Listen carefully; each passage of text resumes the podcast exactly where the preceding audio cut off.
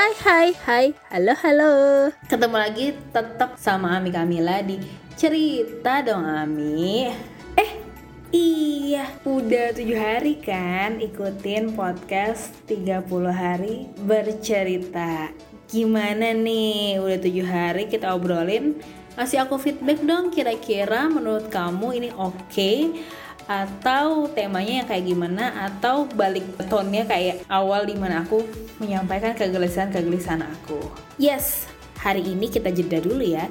Kita mau ngobrolin tentang literasi digital. Wah, menarik nih ya. Kalau ingat di masa awal pandemi, ini inget banget aku aku tuh pernah ditanya sama salah satu teman aku dari luar negeri yaitu dari Korea nanya kenapa sih kok orang Indonesia ngebully salah satu pemeran. Ya nggak sih? Terus aku tanya sama temanku yang sama-sama warga Indonesia kenapa nggak dijelasin? Duh nggak enak kami gimana ya gimana ya kok jadi dipandangnya kayak gitu ya? Ini dia jawabannya. Jadi buat kamu yang ketemu sama temanmu orang luar negeri terus tanya kenapa pada saat menonton salah satu drama nih kok bisa ya orang Indonesia itu nggak bisa nih bedain antara apa yang ada di dalam tayangan dan apa yang terjadi dalam realnya. Menarik kan? Nah ini menurut aku adalah salah satu literasi digital yang bisa kita bahas dengan orang-orang di sekitar kita. Masa pandemi ini memukul hampir seluruh sektor bisnis, termasuk sektor digital. Nggak terlalu bawah banget kayak sektor-sektor lain, tapi sektor digital cukup harus membuat adaptasi-adaptasi dengan cepat. Ya. Nah, saat itu bisa dibilang teman-teman yang ada di dalam program TV melakukan penyesuaian-penyesuaian. Salah satunya adalah penyesuaian tayangan yang dilakukan secara rerun, mengulang episode sinetron, mengulang episode-episode yang kira-kira produksinya mahal dan saat itu mengkalkulasi atau menghitung ulang kira-kira pandemi ini sampai kapan. Saat itu, sementara masyarakat ada di rumah saja, melakukan aktivitas kantor, sekolah, semuanya dari rumah. Tetapi aktivitas seperti online meeting itu terus-menerus, kemudian tidak tahu waktu, bahkan ada yang dilakukan di hari Minggu juga, itu kan menarik banget bisa kayak gitu. Sama halnya seperti bekerja biasa, setiap orang pasti butuh jeda terhadap itu. Nah, jeda yang kita harapkan adalah sebagai manusia nih kita mau yang fresh atau yang baru. Waktu itu karena tayangan-tayangan yang diciptakan adalah tayangan-tayangan rerun, maka masyarakat berpindah nih. Jadi dulu penikmat drama Korea gitu ya, bisa dibilang teman-teman yang memang suka sama drama. Nah, penonton sinetron ya punya penontonnya sendiri gitu. Nah, ketika tayangan-tayangan ini rerun, pada waktu tertentu terjadi kejenuhan. Mau cari di mana lagi nih?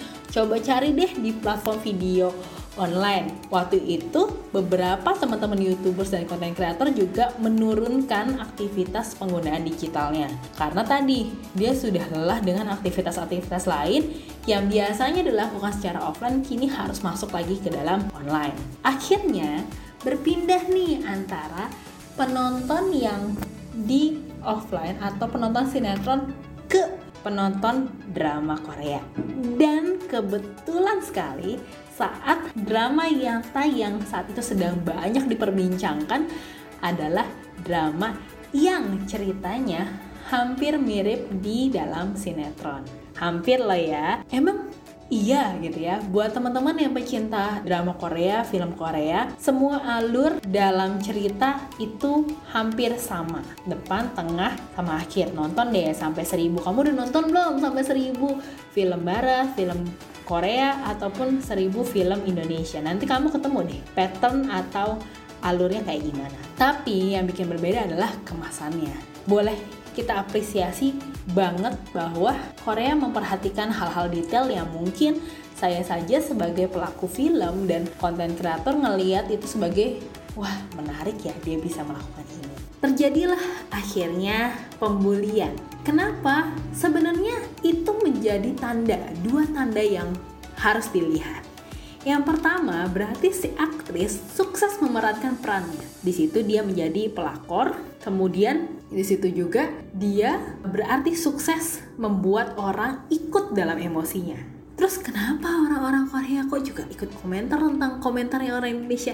Ya karena tadi apa yang terjadi di layar kaca itu tidak sama apa yang terjadi di luar layar kaca. Ternyata di luar layar kaca ya si aktris ini kembali ke kehidupannya masing-masing. Dan saat banyak penonton yang belum terbiasa melihat tayangan-tayangan drama Korea ini melakukan justifikasi seperti sinetron di Indonesia.